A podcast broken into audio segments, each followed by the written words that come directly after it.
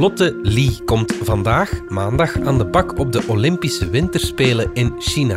En daarmee is ze de eerste vrouwelijke biatlete uit ons land die daarin slaagt.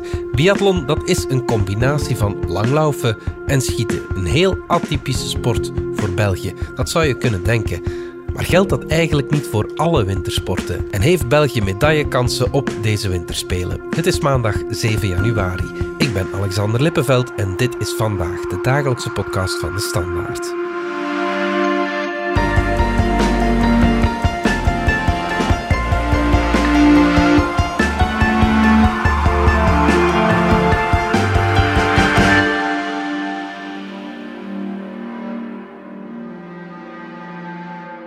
Diebrecht de Smet, sportredacteur. De Olympische Winterspelen zijn uh, afgelopen vrijdag van start gegaan.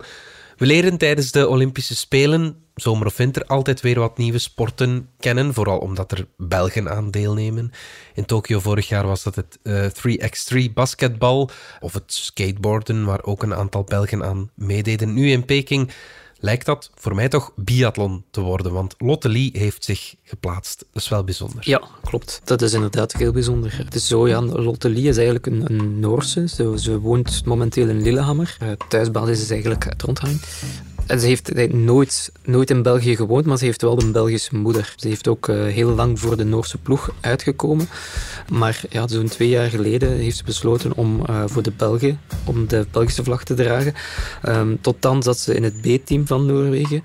Mm-hmm. Maar toen ze merkte dat ze geen kans maakte om met Noorwegen naar de winterspelen te gaan, heeft ze besloten om van haar Belgische paspoort gebruik te maken. En uh, zo komt het dus dat we voor het eerst een Belgische biatlete op de winterspelen hebben. Ja. Nu, het is wel zo dat ze nog altijd een gechte band heeft met, uh, met ons land. Ja, dat zei ze zelf ook in een interview dat je met haar deed voor de krant. Ik heb echt een goede band. Het is niet dat ik gewoon een andere nationaliteit gevraagd heb, maar ik heb altijd van mijn geboorte dubbel uh, gehad. Voor corona uh, zakte ze jaarlijks naar België af, naar haar uh, familie in Brasgaat, om er kerst te vieren bijvoorbeeld, of in de zomer enkele weken door te brengen. Ze spreekt zelf ook uitstekend Nederlands. Ja, mijn moeder spreekt heel veel Frans dan thuis. En ah, ja, okay. is wat, wat ik geleerd heb. En, ja, mijn Noorse papa die kan ook vrij goed Nederlands praten. Dus ah. ja, als we in België zijn, dan voelen ons ja, als de België. Dus je kunt het niet vergelijken met de situatie van een uh, Michael Rush bijvoorbeeld. Dat was een biatleet die vier jaar geleden voor België ook uitkwam op de Spelen. Dat is eigenlijk een, een Duitse atleet die een Belgisch paspoort had genomen omdat hij ja, geen plek meer had in de Duitse ploeg. Hmm. Nochtans had hij in 2006 al Olympisch goud gewonnen met Duitsland, dan in het biathlon op de estafette. Okay. Maar um, ja, ik, ik, kwam op dat moment niet meer in aanmerking. Hij wou toch nog naar de winterspelen en dan heeft hij dat Belgisch paspoort aangenomen. Maar ja, ja je kunt dat dus... Allee, de situatie van Lottelie is toch wel anders. Ja, ja, ja, oké.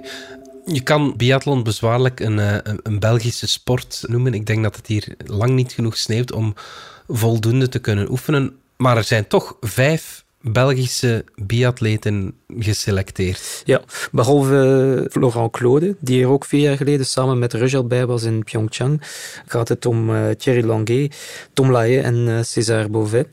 Nu, Florent Claude, dat is ook een beetje hetzelfde verhaal als dat van Michael Rush. Dat is eigenlijk een man die uh, geboren is in de Vogezen. En die heeft er zelf ook nooit een geheim van gemaakt dat hij van land is gewisseld omdat er in Frankrijk te veel concurrentie was. En dat hij daardoor dus minder zeker was van Olympische stek.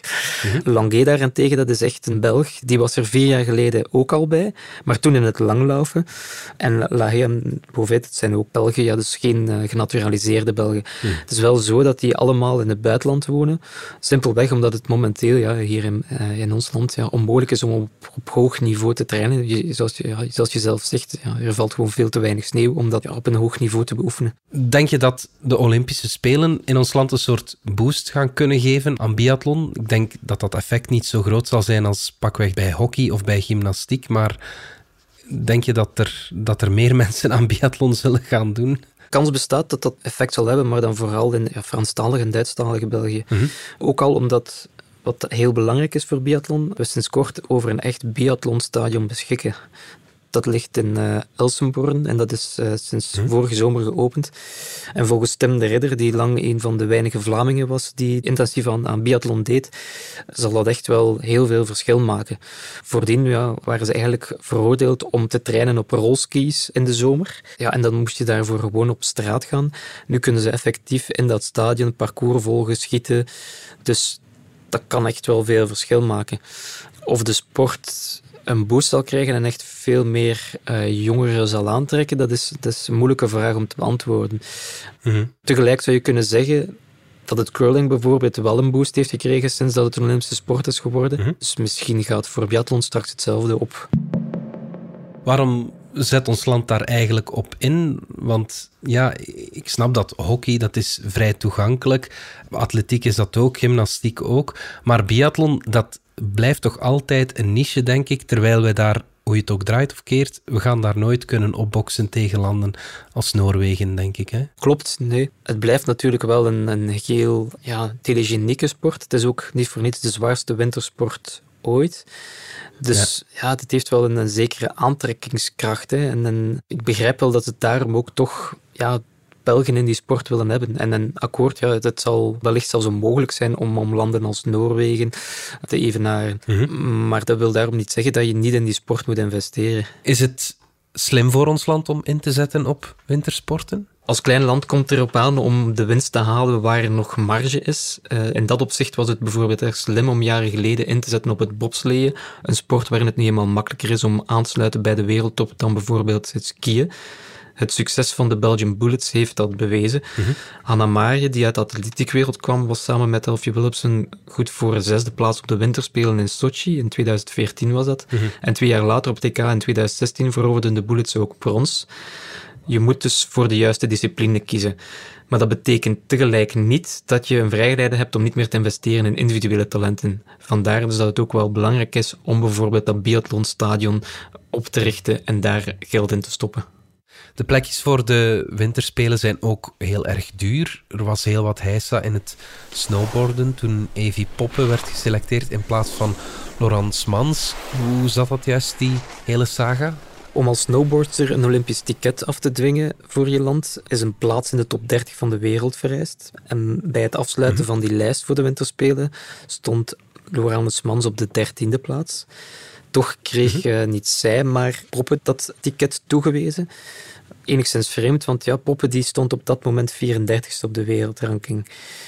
Later, later, bleek dat die toewijzing was gebeurd op basis van interne criteria van Sneeuwsport Vlaanderen, maar Smans zou daar niet van op de hoogte zijn geweest. Dat beweert ze althans zelf. Ook al vooral over het feit dat die criteria een zestal maanden geleden gewijzigd zijn, waardoor ze eigenlijk op de tweede plaats was beland. Maar mhm. niemand had dat haar laten weten, zelfs haar coach niet. En zelf stelt ze van ja, als ik dat had geweten, dan had ik mijn twee laatste wereldbekerwedstrijden wel met een heel andere ingesteldheid aangepakt. Wat daar ook pijnlijk is in dat verhaal, is dat ze volgens die oude criteria wel erg spotten had behouden op voor de Olympische Spelen. Dus ja, het is heel erg begrijpelijk dat ze erg ontgoocheld was. Het is op zich een, een heel spijtig verhaal dat eigenlijk ook voor poppen moeilijk is, want ja, dat, hoe je het ook draait of keert, voor haar zal het toch wel tot enigszins extra druk leiden. Mhm, mhm. En ook de, de, de Ski- en Snowboardfederatie zit ermee verveeld. Die zeggen van ja, we hebben net die interne criteria opgesteld om objectief te zijn. Want uh, het is zo, als er meerdere atleten in aanmerking komen voor een uh, quotaplaats, dus de Spelen werken met quotaplaats, het is niet zo dat degene die het ticket afdwingt daardoor a priori naar de mhm. Spelen mag. Dan vraagt het Belgisch Olympisch en Interfederaal Comité aan federaties om een interne reglement op te stellen op basis waarvan dan die quotaplaats wordt toegekend. Dus het is een mhm. heel jammerlijke zaak. Ja, gebeuren zo'n dingen ook bij de, bij de zomerspelen? Het is al gebeurd. Toevallig in 2008, ook toen de zomerspelen in Peking plaatsvonden. De primeur was toen voor uh, tennisser Steve Darcy en Olivier Rochus. Die hebben dan via de rechtbank hun plaats op de Olympische Spelen afgedwongen. Oh ja, ja. Dus in tegenstelling tot Smans hebben zij wel gelijk gekregen van de rechter. Er staan wel veel sporters te springen om naar de Spelen te trekken. België stuurt dan ook een officiële delegatie. Maar dat geldt niet voor alle landen. Nederland, Denemarken of de VS bijvoorbeeld zelfs, die sturen geen regeringsdelegatie. Waarom doen ze dat? Ja, het is uit protest tegen de mensenrechten schendingen in eh, China. Geopolitiek speelt ongetwijfeld ook een rol. Ja, de relaties tussen de Verenigde Staten en China zijn op zijn zachtst gezegd niet fantastisch te noemen. Het is dus een soort boodschap dat ze willen geven op die manier aan Peking. De vraag is of dat, dat ja, veel effect zal hebben. Het is eigenlijk voornamelijk uit protest vanwege de mensenrechtsschendingen tegen de Oeigoeren. De vraag is alleen, ja, het komt eigenlijk neer op een compromis tussen niets doen en een complete boycott. Als meer landen die winterspelen diplomatiek zouden boycotten, dan zou de boodschap aan China pas echt effect hebben. Want mm ja, zo'n zo diplomatieke boycott komt er gewoon op neer dat er dus geen regeringsvertegenwoordigers op de tribunes zitten tijdens de openingsceremonie en ja, tijdens competities. Maar ja, gezien de huidige coronasituatie zouden er sowieso al niet veel mensen daar naartoe zijn gegaan. Dus ja, dat heeft op zich weinig impact. Het is wel zo dat door die diplomatieke boycott mensen buiten China eraan herinnerd worden dat er veel mis is met die mensenrechten en ja, dat de manier waarop de Oeigoeren worden behandeld, dat dat helemaal fout is. Mhm. Maar of dat dan weer tot een verbetering zal leiden, dat is een andere vraag. En heeft dat effect voor de atleten, zo'n boycott? Ik denk dat dat voor hen weinig verschil maakt. Ja, zij zijn in de eerste plaats bezig met een competitie. Ze leven in zo'n afgescheiden wereld, nu nog meer door corona dan anders, mhm. dat het voor hen eigenlijk geen eh, effect zal hebben. Laat ons nog even naar het uh, sportieve kijken. Je ging deze zomer voor onze krant naar Tokio in Japan voor de Olympische Zomerspelen. We hebben toen heel wat mooie resultaten gehaald. Zeven medailles en nog ja, heel wat vierde plaatsen. Kunnen de Belgische atleten dat succes herhalen op deze winterspelen? Wel, in een aantal medailles wordt het sowieso moeilijk, omdat we nu eenmaal met een uh, veel kleinere delegatie gaan dan afgelopen zomer. Anderzijds zijn er wel enkele atleten die kans maken om hoog te eindigen. Mhm. Het is zo dat we ehm, in vergelijking met eind jaren 90, begin 2000 veel sterker staan in de breedte. Maar of dat ook tot meer medailles zal leiden, dat is een moeilijke vraag om te beantwoorden. Het is zo dat we enkele mensen hebben die aanleunen bij de top. Mhm. Maar of je dan top 3, top 6, top 8 eindigt, ja, dat hangt van details af soms af. Wie zijn zowat onze belangrijkste medaillekandidaten? Wel, de belangrijkste medaillekandidaat en misschien ook wel de echt enige medaillekandidaat is Bart Swings. Mhm. Die won op de Spelen in Pyeongchang vier jaar geleden zilver op de massastart. Mm En normaal gezien is die in staat om nu ook weer op het podium te eindigen. In het schaatsen is dat, hè? In het ja. lange baan schaatsen. Swings droomt van goud, maar met een andere medaille zou hij ook al tevreden zijn. Dat zegt hij zelf. Ik heb altijd uh, na Pyeongchang gezegd, nou, ik heb zilver, dus ik ga voor goud. En, en dat is een heel ambitieus doel. En, en, en eigenlijk gewoon ook een soort van droom. En, en ik wil daar vol voor gaan. Maar ik denk dat ik minstens even gelukkig opnieuw zal zijn als ik opnieuw een medaille haal. Dat zou ja, ongelooflijk zijn. Hij neemt deel aan, aan zowel de 5000 meter als de 10.000 meter, maar het is vooral in de massastart dat hij de te vrezen man is en de te kloppen man. Mhm. Hij heeft dat ook bewezen begin januari door in Gerenveen op het EK eigenlijk ja, de, de Nederlanders in eigen huis te verslaan. Mhm. Het enige wat bij die massastart een onzekere factor is, is het feit dat hij er eigenlijk alleen voor staat, terwijl andere landen vaak met twee in die finale belanden en daardoor ah als het ware een soort knecht kunnen opofferen om eens een uh, gat dicht te rijden, terwijl Swings het eigenlijk altijd op zijn eentje moet klaren. En iedereen weet ook dat ze naar hem moeten kijken, dus ja, soms gebeurt het wel eens dat hij te veel energie moet verbruiken tijdens een wedstrijd, al probeert hij dat te vermijden. Mhm, mhm. Nog iemand die onlangs hoge ogen gooide, dat was uh, Luna Hendricks, de kunstschaatster. Wat zijn haar kansen in, uh, in Peking? Wel, um, zelf ambieert ze een top 8 plek. En dat is een gezonde ambitie, want ja, de Russinnen die, die lijken ongenaakbaar. Haar broer Jorik, die haar hoofdcoach is, die, die omschrijft de Russinnen als machines. Ze zijn ook de enigen mhm. die de viervoudige sprongen uitvoeren, terwijl ehm, iemand als Luna Hendrik bijvoorbeeld het op uh, drievoudige sprongen houdt. Mhm. Daarnaast mag je ook niet vergeten, oké, op het EK werd ze vierde, maar op de Spelen krijgt ze ook nog concurrentie van, van schaatsgrootmachten als, als Canada, de Verenigde Staten en Japan. Mhm. Ehm, dus het wordt niet evident om, om top 5 te eindigen. Dat zou natuurlijk fantastisch zijn. Zelf wil Hendricks vooral beter doen dan bij de vorige Spelen. Toen werd ze zestiende. Je moet gewoon daar presteren en om nog eens een kans te krijgen om daar naartoe te gaan is gewoon um, ja, niet vanzelfsprekend. En uh, ik heb nu die kans, dus ik hoop dat ik mij zeker kan verbeteren tegenover de vorige Olympische Spelen. Ik denk dat het een realistische ambitie is om voor haar om op de top 8 te mikken. Ja, het Olympisch diploma, ja, zoals dat uh, dan heet.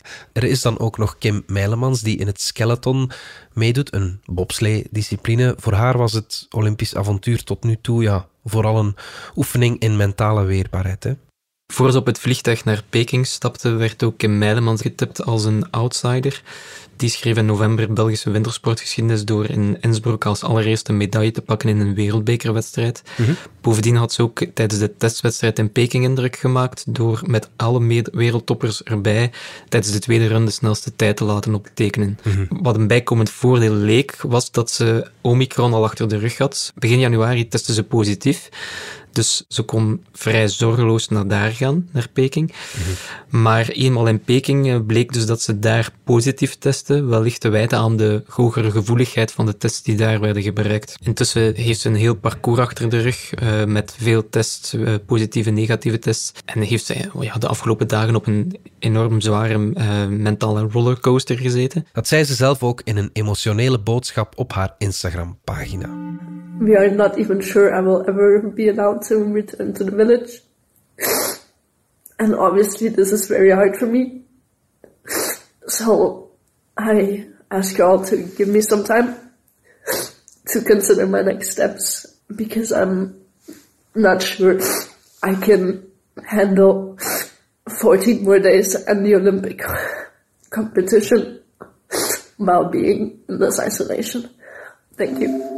Sinds woensdag verblijft ze in het Olympische dorp, maar ze moet nu wel het Closed Contact Protocol volgen.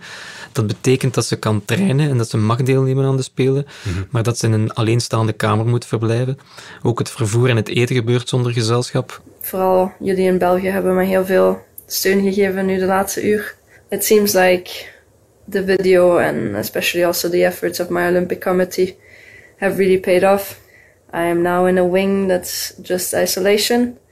But at least I'm back in the village. I feel safe and I'll be able to train a little better here. Um, so, thank you all. Is dus anders en mentaal zal dat sowieso sporen nalaten. De vraag is dus hoe zwaar de impact daarvan zal zijn en ja, wat het effect zal zijn op haar, ja, op haar wedstrijden die op uh, eh, 11 en 12 februari plaatsvinden. Bij de zomerspelen kijken we altijd uit naar de wereldsterren. Vroeger waren dat bijvoorbeeld Usain Bolt, eh, de loper, Michael Phelps, de zwemmer. Vorig jaar had je bijvoorbeeld turnster Simone Biles en onze eigen Nafi Tiam in de zevenkamp. Atleten met een heel erg grote status. Zijn er hier ook zo'n atleten die brecht? Iemand als snowboardster Chloe Kim is, een uh, atleet om naar uit te kijken. Die recht de gekort aan elkaar. Mhm. Ze werd de jongste Olympische snowboardkampioene ooit. En op haar 21ste was ze de allereerste regerende kampioene op de drie grootste snowboardtoernooien. Mm Dus het WK, de Winterspelen en de X-Games. Ze is gigantisch populair, in die mate zelfs dat ze een eigen Barbiepop geeft. Dus dat is wel uh, opmerkelijk. Verder denk ik dat voor China uh, vooral Aileen Gu de ster moet worden. Dit is een uh, freestyle skiester die een dubbele nationaliteit heeft. Dus ze heeft een uh, Amerikaanse vader en een Chinese moeder. Mhm. Maar op haar vijftiende heeft ze besloten om Team USA in te ruilen voor de Chinese vlag. Okay. Vorig jaar won zij zowel op het WK als op de X-Games goud in de halfpipe en slopestyle. Het fijne aan haar verhaal is dat ze ook in de modewereld graag gezien is, want ze stond bijvoorbeeld al op de cover van Vogue en van L. Oké. Dus dat kan niet uh, iedere uh, Olympische winteratlete zeggen. Bij de mannen heb je dan ook een uh, Van der Poel. Geen, geen wielrenner, maar een lange baanschaatser. en het is eigenlijk een Van der Poel waarvan Nederland bang is, want hij komt uit voor Zweden, hoewel hij Nederlandse grootouders heeft. Maar hij is de regerende wereldkampioen en de wereldrecordhouder op de 5 en de 10 kilometer. Dus hij zou het uh, Nederland wel moeilijk kunnen maken op de schaatsbaan. Dat weten die Nederlanders ook eens wat het is om bang te zijn van een Van der Poel. Inderdaad, klopt. Ja. ja. En, en de, de meest klinkende naam is misschien nog wel Sean White. Die ken ik van uh, de PlayStation. Inderdaad, de man met zijn eigen videogames. Ja. Die won al drie keer Olympisch goud in de halfpipe in 2006, 2010 en 2018. Hij heeft meer dan twintig medailles op de X-Games verzameld. Mhm. En Peking wordt eigenlijk zijn laatste Olympische kunstje. Dus ja, het Olympische afscheid van de beste snowboarder aller tijden. Diebrecht, waar kijk je zelf naar uit? Ja, sowieso de massastart van Bart Swings die in het laatste weekend plaatsvindt, omdat dat toch ja, de grootste medaillekans is. Biathlon zal ik ook wel volgen, gewoon omdat het een heel uh, toffe sport is om, om te volgen. En ja, ik wel benieuwd ben hoe uh, die Belgen het dan zullen doen. Ik vind het gek dat je dat zegt, want dat is toch gewoon langlaufende mannen of vrouwen met een geweer. Ja, ja maar, maar het wordt gigantisch onderschat hoe, hoe, zwaar die sport is. Want als je echt, ja, als je, als je tegen hartslag 160 moet mikken op een doel van ja, 4,5 tot 11,5 centimeter groot en dat van op 50 meter afstand, ik denk dat weinigen er, ertoe in staat zijn. En het, ja, het kunstschaatsen natuurlijk ook is ook altijd fijn om te volgen. Dat, is, dat heeft zoiets weg van ja, Disney on Ice eigenlijk. Ja. Uh, met heel toffe choreografie. Ja, het show-element is daar heel belangrijk. Hè. Dus, dus het is wel zeer uh, entertainend. Veel om naar uit te kijken. Die bericht is met. Dankjewel. Graag gedaan. Dit was vandaag de dagelijkse podcast van de Standaard. Bedankt voor het luisteren. Ken je trouwens DS Podcast al? Podcast-app van de Standaard. Daar luister je niet alleen naar onze journalistieke reeksen, je krijgt ook elke week een eigenhandige selectie van de beste nieuwe podcasts op de markt. Alle credits van de podcast die je net hoorde vind je op standaard.be-podcast. Reageren kan via podcast.standaard.be. Morgen zijn we opnieuw.